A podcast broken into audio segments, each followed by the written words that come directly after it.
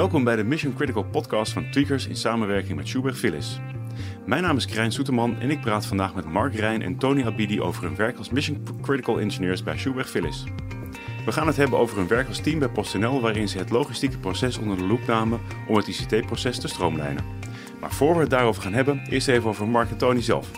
Om met Mark te beginnen. Mark, wat is jouw taak bij het PostNL-team? Nou, ik uh, werk in het PostNL-team als uh, wat wij noemen een Mission Critical Engineer. En uh, dat betekent eigenlijk, uh, zoals Schubert georganiseerd is, is, is dat wij eigenlijk in, een soort klantenteams opereren. En dus voor al onze klanten zijn er, zijn er teams geformeerd. En dat is een beetje op basis van hoe groot is de klant. En dat hebben wij dus ook voor PostNL gedaan. En het team waar, wij, waar ik nu werkzaam ben als engineer is, is, is een redelijk groot team. En ik heb daar wel een wat meer specifieke rol binnen dat team. Uh, dan alleen engineering. Uh, dat noemen we ook een beetje een informele rol. Uh, we zijn een redelijk platte organisatie. We zijn eigenlijk een bedrijf met alleen maar engineers en, en ontwikkelaars. maar om toch een beetje een soort voor de klanten ook wat, wat, wat duidelijker te maken, zijn er wel wat, wat, wat rollen gedefinieerd. En mijn rol is dan techlead, zoals we dat noemen. En ik zie dat eigenlijk meer als een soort meewerkend voorman. Uh, waarbij ik uh, vanuit de klant voornamelijk een aanspreekpunt uh, ben als, het, als het over techniek gaat. maar uiteindelijk komt de techniek uit het team. En, en zal ik eigenlijk meer helpen om het te faciliteren. En, en samen tot, tot innovatie te komen. Maar ook te kijken naar, naar applicaties van wat zouden we daaraan kunnen gaan veranderen. Om het meer toekomstvast te houden. En, dus dat is eigenlijk een beetje mijn rol binnen het team. En Tony, wat is jouw rol? Nou, uh, zoals Mark ben ik ook Mission Critical Engineer. Ik uh, hou me vooral bezig uh, met het beheren van één applicatie. dat is wat ik eigenlijk vol, vo volledig ver verantwoordelijk voor ben. naast de, het beheren van, van deze applicatie ben ik ook vooral bezig met, met AWS-landschap. Om te kijken naar verbeteringen op security niveau, automatisering. En binnenkort gaan we met een nieuw projectje aan de slag voor PostNL. En daar help ik ook een stukje bij. Mark, kun jij meer, wat meer vertellen over de case en het team bij PostNL? Ja, we zijn eh, met het uh, PostNL-project zijn we ongeveer uh, anderhalf jaar geleden zijn we begonnen. Ik ben eigenlijk al vanaf het begin betrokken geweest. En des, toen die tijd is eigenlijk PostNL bij ons met de vraag gekomen van... ja, zouden jullie een keer ons IT-landschap onder de loep willen nemen... en, en gewoon goed kijken van hoe, hoe gezond is onze omgeving er waren uh, wat storingen geweest. En, uh, mensen vroegen zich af of alles wel, wel op een juiste manier was, was neergezet. En, en waren eigenlijk bij ons uitgekomen ook omdat wij zeg maar een soort 100% filosofie naleven. Wat, betekent, wat, betekent dat? Nou, dat betekent eigenlijk is dat wij, wij hebben eigenlijk een hele simpele SLA. Wij garanderen gewoon 100% uptime. En en, en, doen dat niet alleen maar omdat we eh, willen dat de applicaties altijd 100%, maar uh, 100% uh, is ook zodat er geen grijs gebied ontstaat tussen wat je hebt afgesproken met de klanten en wat niet. Als je bijvoorbeeld 99,9%, dan is er altijd een marge waar je over gaat discussiëren. En wij willen gewoon die discussie niet. Als er een applicatie plat ligt door ons toedoen of door, door een andere iets wat, wat, wat heeft plaatsgevonden, dan willen wij daar die, die verantwoordelijkheid voor dragen. En, uh, en die filosofie die gaat heel erg ver door. Dat, dat is iets wat ook in de engineers uh, in, hun, in hun hoofd zit. Ze weten gewoon dat ze moeten designen. Ze weten dat ze applicaties moeten releasen met het idee van het moet altijd blijven draaien. En nou, met die bril zijn we ook gaan kijken naar, naar het landschap van PostNL, wat toen de tijd actief was. En uh, daar hebben we toen een aantal applicaties van, uh, van doorgelicht. Van, nou, uh, en daar zijn we naar, op een aantal onderwerpen gaan kijken. Van, nou, hoe wordt de omgeving gemonitord? hoe hebben ze nagedacht over, over high availability? Zodat het over meerdere datacenters actief is. Kijken van, kan het bijvoorbeeld een, een Sinterklaas piek aan? Is de applicatie daar goed geschaald voor? maken ze gebruik van, van automatiseringstechnieken zoals CI/CD en configuration management. Dus er zijn eigenlijk allemaal, allemaal onderwerpen waar we alle verschillende applicaties op zijn gaan toetsen. En, en daar is eigenlijk een advies uitgekomen waarbij we gezien hebben dat sommige dingen heel erg goed waren ingeregeld. En er waren ook dingen waren wat minder goed geregeld. Waarbij we hebben aangegeven, nou wij zouden het op deze manier doen en dit is ons advies. En, en PostNL is eigenlijk met dat advies aan de slag gegaan en, en heeft ons eigenlijk later gevraagd van nou we zien dat jullie goed hebben gekeken naar onze omgeving. En zouden jullie misschien daar, daarop willen doorborduren, zodat jullie misschien een aantal van die applicaties die wij heel erg kritisch vinden, om daar, om daar een design voor te maken en, en, en, het, en het aan te bieden. En dat hebben we eigenlijk gedaan. Dus wij hebben eigenlijk een heel, een heel cloud design gemaakt, waarbij we hebben nagedacht dat het over meerdere zones moet, actief moet zijn. En, en zijn daar eigenlijk mee aan de slag gegaan. En dat is nu ongeveer een jaar geleden waarbij we dat hebben gedaan. En, en ja, toen zijn we eigenlijk begonnen met het project, waarbij we, waarbij we zeg maar, vanuit de logistieke kant een behoorlijk aantal applicaties zijn gaan migreren. En waar staat het project nu? Nou, we, we hebben zeg maar, nou, ze zijn dus vorig jaar zijn we dus inderdaad begonnen met, met, met die applicaties te migreren. En zoals ik net noemde, die aantal onderwerpen waar we toen de, de de technische scan om hebben gedaan. Eigenlijk op basis van die onderwerpen zijn we eigenlijk de applicaties gaan migreren. Dus we zijn, zijn die designs gaan uitvoeren waarbij eigenlijk alles dan automatisch werd meegenomen. Uh, nou, we zijn, we zijn natuurlijk een heel jaar zijn we heel erg druk bezig geweest om die migratie te doen. En daarbij moet je natuurlijk de klant leren kennen. Je moet alle leveranciers van alle software, softwarepakketten moet je leren kennen. Dus wat je nu ziet is dat we eigenlijk die applicaties gemigreerd hebben. Waarbij we eigenlijk met ons 100% gedachte de applicaties live hebben gebracht. maar ja, dan ontstaat de volgende fase. En de volgende fase is, is wat ons betreft gewoon veel, veel interessanter. Want dan gaan we echt dingen wegautomatiseren. Uh, als je nu kijkt naar de applicaties, dan, dan is daar nog wel het een en ander nog niet volledig ja, weggeautomatiseerd. En eh, dat is eigenlijk het traject wat, wat eigenlijk direct eh, eh, is gestart. dat doen we eigenlijk ook wel vanaf dag één. Als je kijkt bij de softwarevendoren is dat ze, nou daar zitten heel veel goede codeontwikkelaars, dus die zitten code te schrijven. En wat wij ons dan afvragen is, oké, de, de, de ontwikkelaar maakt code, maar hoe kunnen we nou zo snel mogelijk die code op productie laten landen? En, uh, en dat is iets wat we heel erg geleerd hebben de afgelopen periode en ook in die migratie. Uh, en waar we dan naar kijken is hoe kunnen we die cyclus nou zo, zo snel mogelijk krijgen. Dus hoe kunnen we dat versnellen. En uh, nou, dat zijn gesprekken die we dan hebben met PostNL. Dat zijn gesprekken met de vendoren erbij. Is ja, hoe kunnen we elke keer weer een stapje verbeteren? En hoe kunnen we elke keer weer een stapje meer automatiseren, zodat het volledig, uh, volledig automatisch gaat? Uh, dat komt ook omdat we eh, de applicaties willen omvormen tot meer cloud-agnostische applicaties.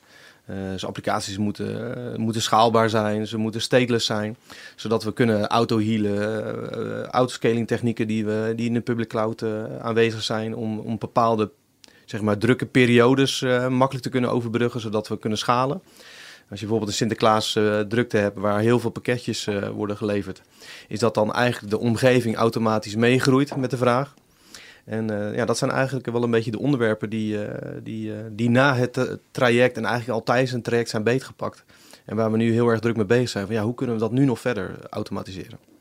En ik weet dat Tony ook met een applicatie daar behoorlijk wat meters in heeft gemaakt. En, en is ook naar een andere soort manier aan het kijken om die applicatie uit te rollen. Voorheen, vroeger, moesten we nog servers rekken en stekken.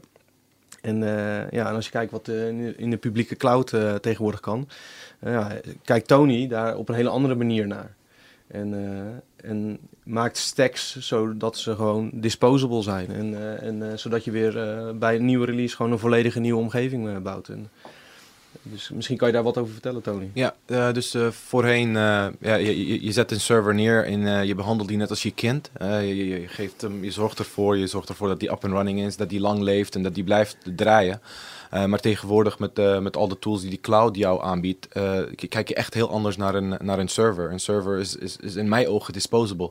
Uh, hij doet wat hij moet doen en dan is hij weg. En ik, ik wil hem niet maintainen, ik wil hem niet blijven updaten. Nee, ik, hou in, eh, in, mijn gedachten dat ik een, eh, een basis-image heb. Die is al up-to-date, die is goed gepatcht, die is uh, uh, op security niveau zeg maar helemaal klaar voor, voor productie. En dan, ik gebruik deze image om dan verschillende applicaties erop te deployen. En dan op het moment dat... Uh, de piek komt, dan, dan schaalt er meer van die server. En als de piek weggaat, dan, dan gaan ze ook weer weg.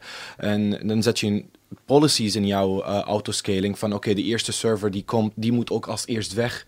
Dus dan ja, een soort van een, een rolling release. Dus de, dan komt een server bij en dan komt er nog eentje bij. En de eerste die is gekomen, die gaat dan weer weg. Uh, en zo blijf je altijd de, de nieuwste server die je hebt gedeployed in, in, in productie houden. En zo, ja, eh, je, je CPU of je, je Windows operating systeem is niet langlevend. Hij is gewoon up en dan is die weer gone. En zo, ja, zo beheer je tegenwoordig infrastructuur. Ja, want volgens mij als jij nu een nieuwe release doet van je applicatie, is wat je doet is je bouwt eigenlijk gewoon een stack ernaast op, volledig greenfield, Ja, waar de dus, applicatie, de nieuwe versie van de applicatie op wordt gezet. ja, dus eh, er wordt gewoon eh, de hele infrastructuur gecreëerd door, met, met, eh, met firewalling en load balancers en servers. En dan check ik in de monitoring, oké, is deze stack wat nu gedeployed is gezond? Zo ja, dan doe je een, een DNS-switch naar de nieuwe load balancer en zo.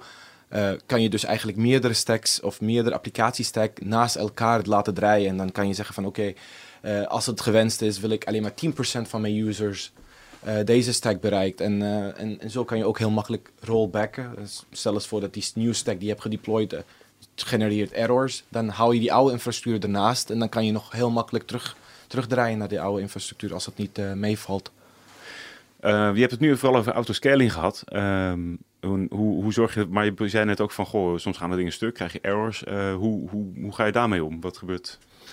Ja, je kan eh, verschillende me- me- methodieken gebruiken. Vooral eh, self-healing eh, is het meeste wat ik eigenlijk een fan van ben. En zo define je bepaalde triggers aan je load balancer dat een bepaalde antwoord terug moet komen.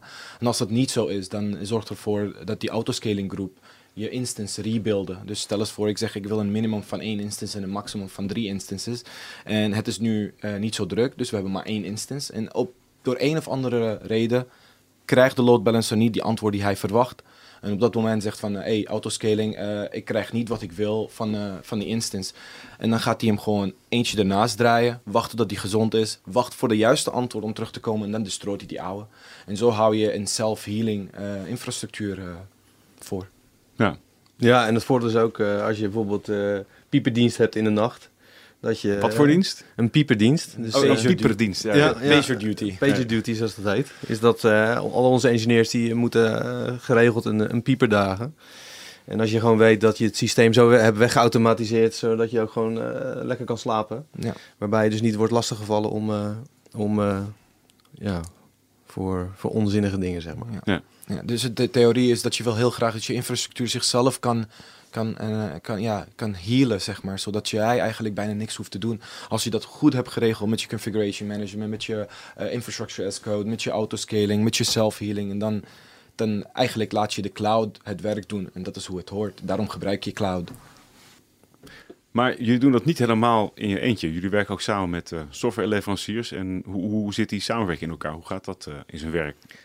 Nou, als je kijkt naar de applicaties die wij krijgen, is, is, eh, zijn dat allemaal eh, eh, zeg maar applicaties die geschreven zijn door verschillende softwareleveranciers. Wij moeten heel erg nauw samenwerken, want hun leveren zeg maar, de software aan ons. en wij moeten eigenlijk die software dan eh, gaan installeren op de verschillende omgevingen die we voor, voor PostNL hebben draaien. En als je kijkt, is, eh, is, is, is dat eigenlijk het, het speelveld wat als, eh, wat, wat, wat, waar, we eigenlijk het, eerste mee, mee starten, is, is, zijn die softwareleveranciers leren kennen. En, eh, en hoe zijn ze nu gewend om, om code te ontwikkelen? En hoe kunnen we ervoor zorgen dat, we, dat ja, de code die door ontwikkelaar wordt geschreven, zo veilig mogelijk en zo, zo met zo'n hoog mogelijk kwaliteit naar, naar een productiesysteem gebracht kan worden. Nou, wij, wij hanteren daar een, zeg maar, een soort agile ma- manier voor. Dus eh, dat noemen we dan DevOps. Eh, dus wat wij doen is, wij, wij zijn zo georganiseerd dat wij eigenlijk onderdeel worden van hun DevOps teams met, eh, met onze engineers. Dus wij gaan hun sprints meedraaien. En eh, op die manier eh, gaan we ook van elkaar leren. Dus eh, we gaan zien hoe hun code schrijven. We gaan zien hoe hun zeg maar een oplevering doen. En hun gaan aan onze kant zien van hoe wij dus die automatisering doen. Dus hun gaan onze deployment scripts zien. Ze gaan zien wat, wat voor tooling wij gebruiken. En wat wij willen doen is dat zo snel mogelijk in elkaar laten blenden. Dus dat moeten we zo snel mogelijk laten samensmelten. Want dan kan je samen meters maken. En nou, dat is voornamelijk in het begin van het traject is dat, is dat, is dat heel erg aan de orde. Eh, waarbij we eigenlijk zo snel mogelijk willen werken naar een automatische release. Eh, dus dat is nog niet een release die volledig automatisch getest is of, eh, of dat soort zaken. Maar echt gewoon naar een automatische release. Het moet gewoon een, een druk op de knop zijn. En, en je ziet dat je daar al behoorlijk wat tijd kwijt bent met sommige softwareleveranciers. Want die zijn van ja, zover zijn we nog niet en daar moeten we nog naartoe groeien. En daar, ja, daar zijn we elkaar gaan helpen. En sommige leveranciers die waren daar al heel erg ver in. En konden we heel makkelijk met elkaar integreren. En, En het leuke is, is dat je eigenlijk, uh, omdat je over de techniek samen gaat werken met een softwareleverancier, is dat je elkaar uh, zeg maar daarin in moet gaan versterken. en, en, en dat je dan daar een soort enthousiasme creëert. waarbij je dus echt, echt samen aan de slag gaat om te kijken hoe we zo, zo snel mogelijk en zo vaak mogelijk een productierelease kunnen doen. Er waren bijvoorbeeld applicaties, nou, die gingen nou, misschien eens in de twee, drie maanden gingen ze, was er een productierelease. En er waren er zoveel wijzigingen dat ja, vaak wel een beetje gegarandeerd was dat er, dat er iets niet zou gaan werken. En waarom deden ze dat? Omdat hun, eh, het proces heel erg traag was. Dus het was altijd heel veel samenwerken, het was altijd heel veel testen. En toen zijn we eigenlijk samen met die vendor zijn we gaan kijken van ja, hoe kunnen we nou ervoor zorgen dat we bijvoorbeeld elke week gaan releasen. Ja. En uh, ja, ze noemen dan bijvoorbeeld uh, if it hurts, do it more often. Dus gewoon heel vaak, gewoon heel vaak gewoon die pijn voelen, totdat je zo vaak weet van waar zit nou precies die pijn?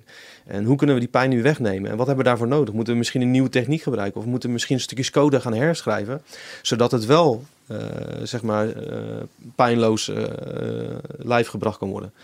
En, nou, en daar zie je dat we, dat we daar die samenwerking heel erg, heel erg opzoeken. En, uh, en, wat we ook heel erg leuk vinden. En in het begin is dat altijd een beetje onwennig met een softwareleverancier. En van ja, maar waarom vind je dit allemaal zo interessant en zo, en zo belangrijk? En, en, en ja, je ziet dat, dat daar juist de, de kracht ligt. En, uh, en als je op een gegeven moment dat stukje voor elkaar hebt, dan ga je ook kijken naar de volgende fase. Van, ja, maar weet je, hoe gaaf zou het zijn als we nu samen de applicatie kunnen gaan auto-scalen? En dan zie je toch vaak van ja, maar de applicatie is nog niet stateless. En uh, nou, laten we dan eerst daarnaar kijken. En, en, maak dat dan onderdeel van de backlog. En ga dan samenwerken naar een, uh, naar een omgeving die dat, uh, die dat aan kan. Ja. En, um, maar dan goed, dat, ik neem ook aan dat dat ook voor, voor meer dingen gaat zorgen. Waaronder, nou, dus uiteindelijk kostenverlaging, denk ik dat het ook in de hand speelt. En verder moeten mensen, moet, het, moet uiteindelijk PostNL en anderen moeten het ook allemaal zelf kunnen doen zonder jullie hulp. Ja, nee, nou, dat klopt. En wat je zegt, kostenverlaging en het zelf kunnen doen, dat, dat zijn wel uh, dat zijn, uh, dat zijn dingen waar we, waar we nu heel erg naartoe aan het groeien zijn. Uh, nou, PostNL, ja, zoals op, in elke enterprise in de huidige markt, ja, moet gewoon besparen en is in de publieke cloud gegaan. En, en is toch een aantal jaren geleden zijn ze met die stap begonnen en, en zijn ze daar heel veel, hebben ze daar heel veel meters meegemaakt, zijn ze heel erg in gegroeid. Uh, en wat wij nu willen doen samen met hun, uh, is eigenlijk dat proces nog verder, uh, dus dat we ze nog meer gaan navigeren, zeg maar, over het, het hele, het hele IT-zee die, die zich aanbiedt. en, en doordat je bijvoorbeeld dingen anders gaat doen, niet meer, wat Tony net ook aangaf, weet je wel, van servers, nou, server-huggers zoals we dat noemen, weet ja. je, die gewoon vast blijven houden aan een, aan een stack.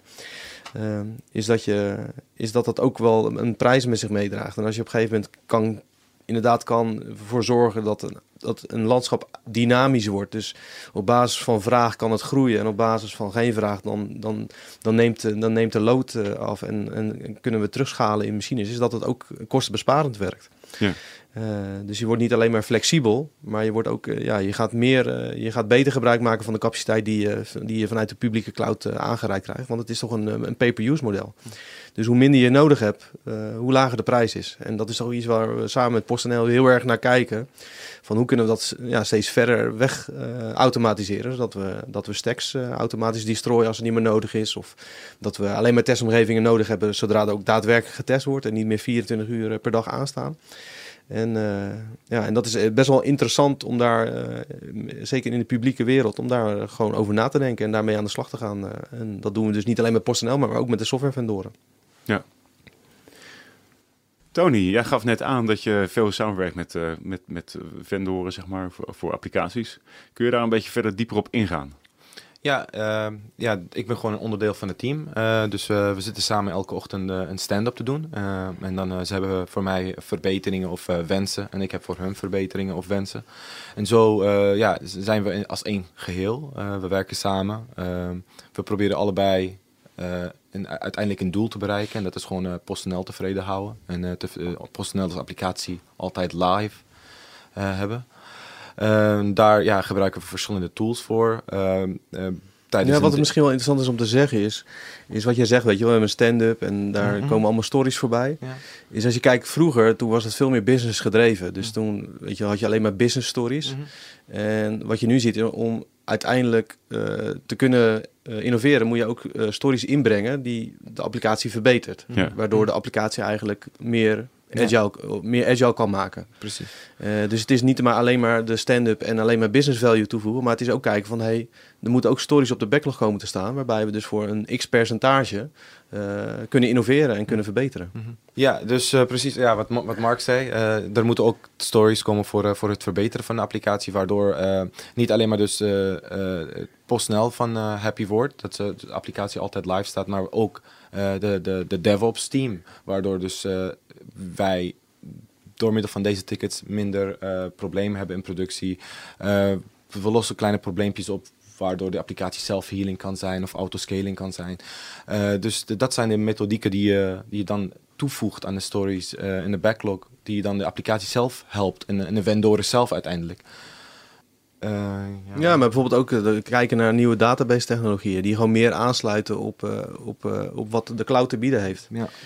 Eh, Kun je daar voorbeelden van geven? Of is dat eh, een beetje Nou, algemeen meer? Ja, wat je veel ziet is nu dat, eh, dat er nog veel bijvoorbeeld MS SQL eh, wordt gebruikt. En wat, wat toch wat vanuit de cloud gezien toch redelijk duur is. En ook wel weer zijn beperkingen heeft.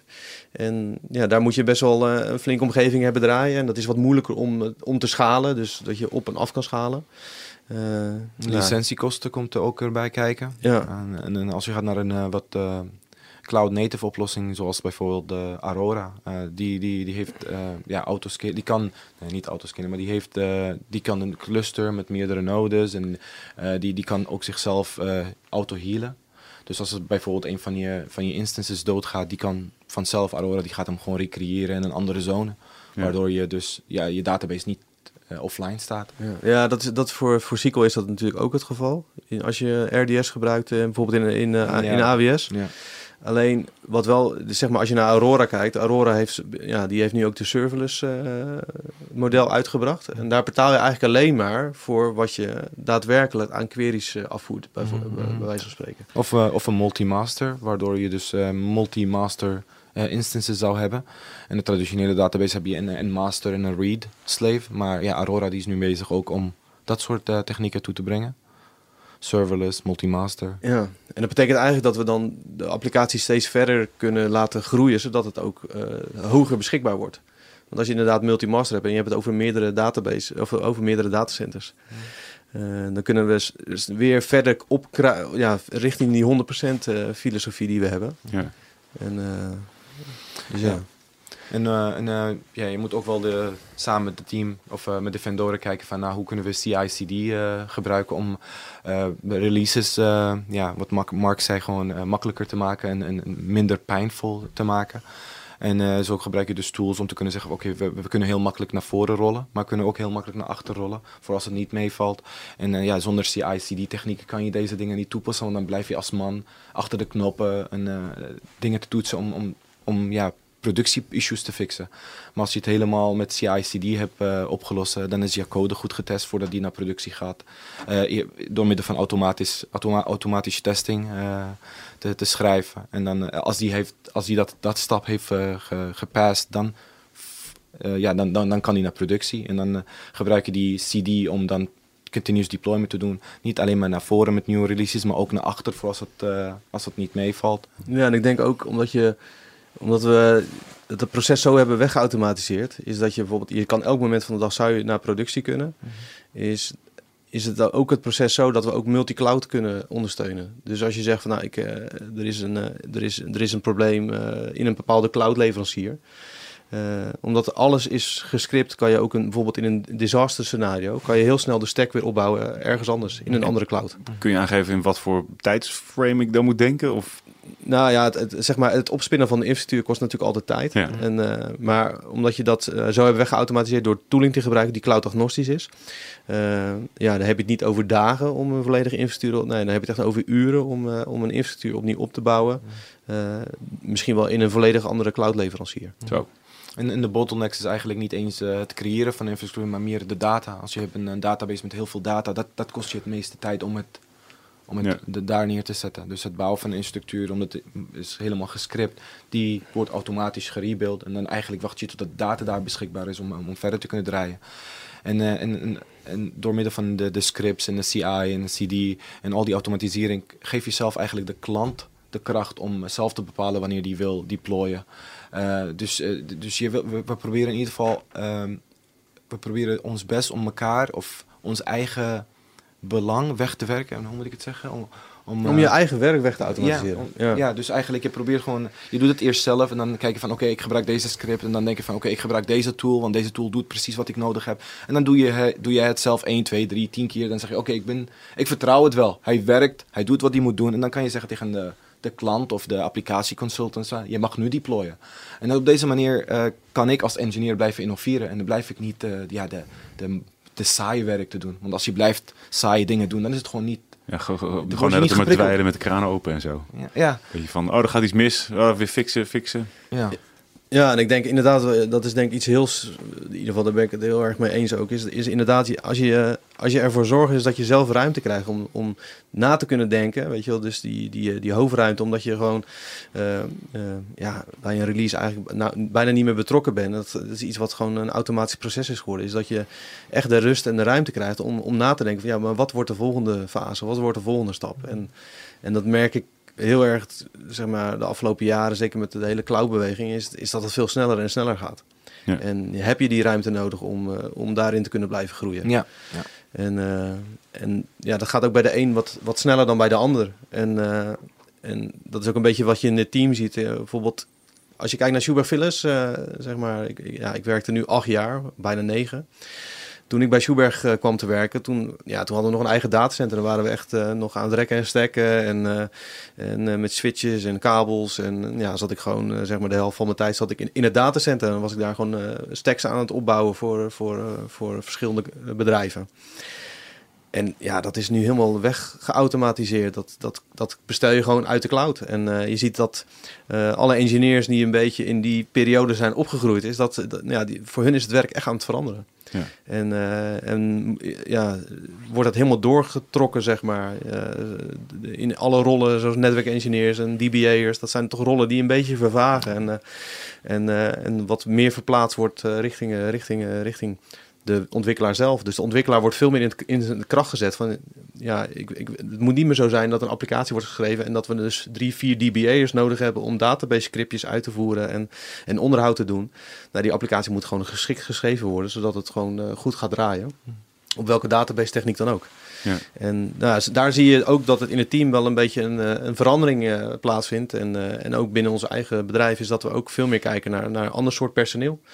Uh, vroeger moest je dan echt tien jaar uh, werkervaring hebben om, uh, om bij ons te kunnen solliciteren. En is dat je nu bijvoorbeeld Tony is, nou, dat zien we echt als een, als een jong talent, is iemand die, ja, die, die ademt gewoon publieke cloud en die weet gewoon hoe dat allemaal in elkaar zit. Maar ja, Tony kan ik niet meer vragen om een, om een switch in te regelen en met kabels aan de slag te gaan. Ja, die, hij komt niet uit die fysieke wereld. En, ja, ze vroegen mij over, over hardware of echt echte server. Ik zei ja, ik, ik werk met de Raspberry Pi. dat, dat, dat, dat zijn mijn, mijn, mijn, mijn server ervaring. Alles wat ik weet is gewoon echt uit, vanuit AWS, de, de publieke cloud. En uh, ja, de, de echte hardware wat ik heb aangeraakt was gewoon een Raspberry Pi. Ja. Dat, ja, meer, meer heb ik niet. Nee, en dan zie je toch wel dat er een, ja, dat er een, een, ja, nieuwe engineers ontstaan daarin. En uiteindelijk, weet je wel, is, het, eh, is, het, is de denkwijze wel hetzelfde en zijn we wel met dezelfde dingen bezig. En, en je ziet dat Tony dan ook weer de, zeg maar, de andere engineers daar weer in meeneemt in dat denken van, ja, maar waarom ben jij uh, die server aan het beheren? Gooi die server weg en maak een nieuwe. En, en waarom doe je nog een handmatige applicatie daarop zetten? Of waarom gebruik je niet, maak je niet gebruik van, van, van bijvoorbeeld andere technieken die, die gewoon in de cloud direct aanwezig zijn? Ja. En je ziet daar dat er wel een soort, uh, soort mooi speelveld ontstaat uh, tussen, tussen de, de, de engineers. Om, uh, om, om, om dingen van elkaar te, te leren en dingen van elkaar te begrijpen. En, maar ja, als ze bijvoorbeeld aan Tony vragen, kan jij eventjes wat, wat, ja, wat netwerkwijzigingen doorvoeren? Of, en dan zie je Tony weer een beetje van, hm, ja, maar daar, dat is niet weer mijn ding. En daar, ja, daar leer je van elkaar.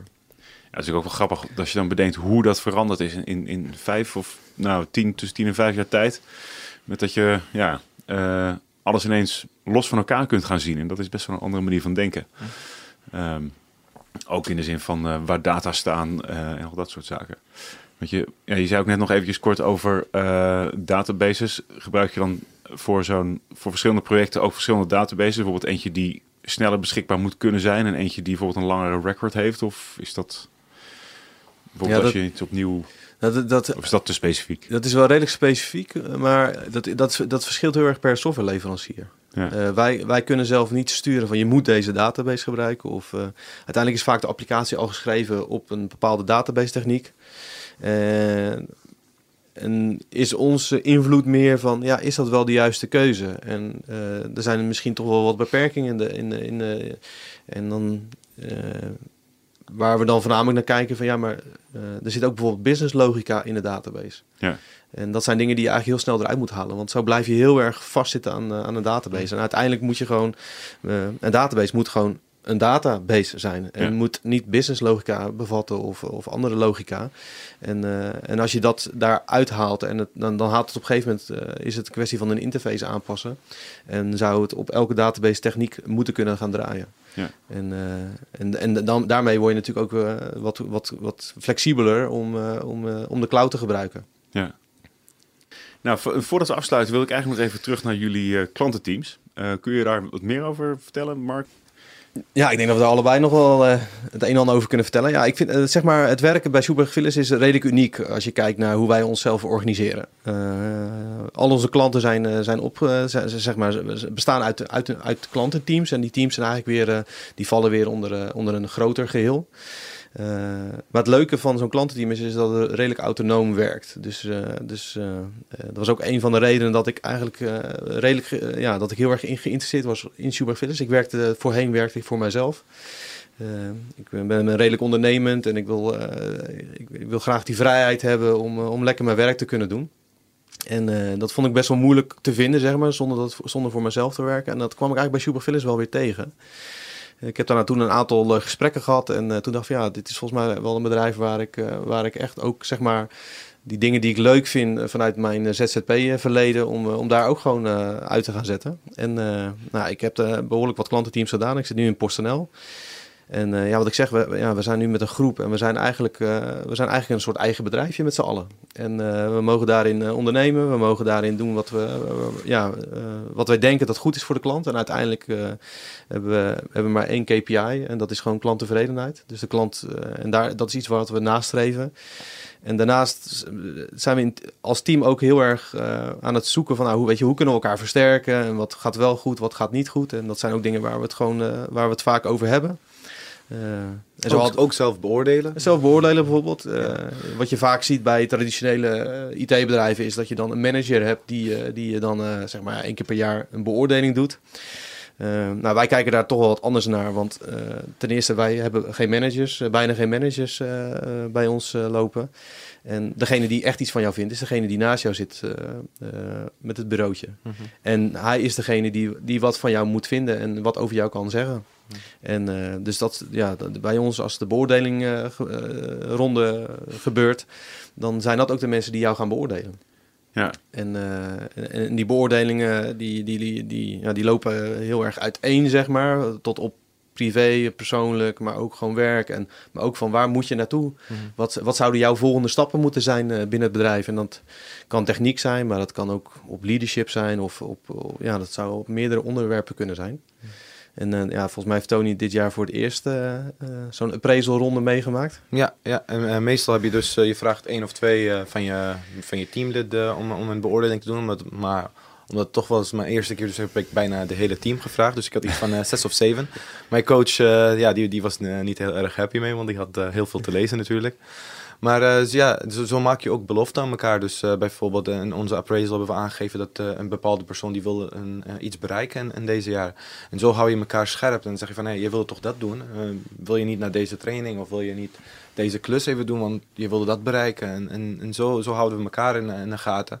En wat Mark zei, ja, je team, die, die, die, die, jong, die jongen naast me, die jongen li- links van mij, die, die weet het meest- het meeste van mij. Dus die kan ook eh, mij het beste beoordelen. Die weet wat ik heb gedaan, wat ik niet heb gedaan, waar ik, eh, ja, waar ik in shine, waar ik minder in shine. En dan, die kan mij een beetje prikkelen van, hey, dit, dit, doe je heel erg goed, keep it up. ja, misschien moet je kijken naar dit. en dat, ja, zo hou je elkaar scherp. Ja, en het leuke is, weet je wel, die, dat appraisal-seizoen, zoals we dat dan noemen. wij hebben dat als team eigenlijk ook weer anders aangevlogen, omdat we gewoon die ruimte hebben eigenlijk gezegd van ja, normaal gesproken wat, wat Tony zegt, is dat je dan een aantal mensen een beoordeling laat schrijven is uh, dat we hebben gezegd van nou, laten we die beoordeling gewoon ook als een groep doen. Dus toen hebben we gewoon uh, een dag geboekt en zijn we gewoon uh, met z'n allen gaan zitten. En ja, toen heeft iedereen voor zichzelf een, zeg maar, soort pitch gedaan. van nou, weet je wel, ik heb het zo ervaren afgelopen jaar en, en dit zijn mijn doelen voor volgend jaar. En wat vinden jullie daarvan?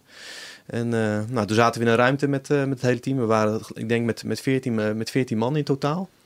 En dan zie je dat iedereen onderdeel wordt van, uh, van iemands uh, beoordeling. En, uh, en vervolgens ook mensen zeggen, ja, ik ga je daarbij helpen. Of ik vind het ook interessant. Of ik wil er ook in mee. Of, of dat mensen zeggen van, ja, maar Mark, ik hoor nu vier doelen voor volgend jaar. Misschien moet je dat even bijstellen. En moet je eerst gaan focussen op de eerste twee. En kijken of je die kan halen. En nou, zo hou je elkaar heel erg scherp. En en, uh, ja, en zover, uh, ja, en we zitten denken om daar volgend jaar misschien weer een stapje verder in te gaan. Uh, waarbij we ook ja, het financiële aspect met elkaar be beoordelen en bekijken. En, maar ja, dat, dat, zijn dingen die je als een team gewoon kan doen en kan ervaren. En, en, en daar de vrijheid in krijgt. Ja, ja dat klinkt als een, als een, als een mooie, mooie manier van samenwerken. Um, mijn dank aan mijn gasten Tony Abidi en Mark Rijn voor een inkijkje in hun werkwereld. Deze podcast is onderdeel van een serie die Tweakers samen met Super Philips maakt. Voor nu bedankt voor het luisteren en tot de volgende keer.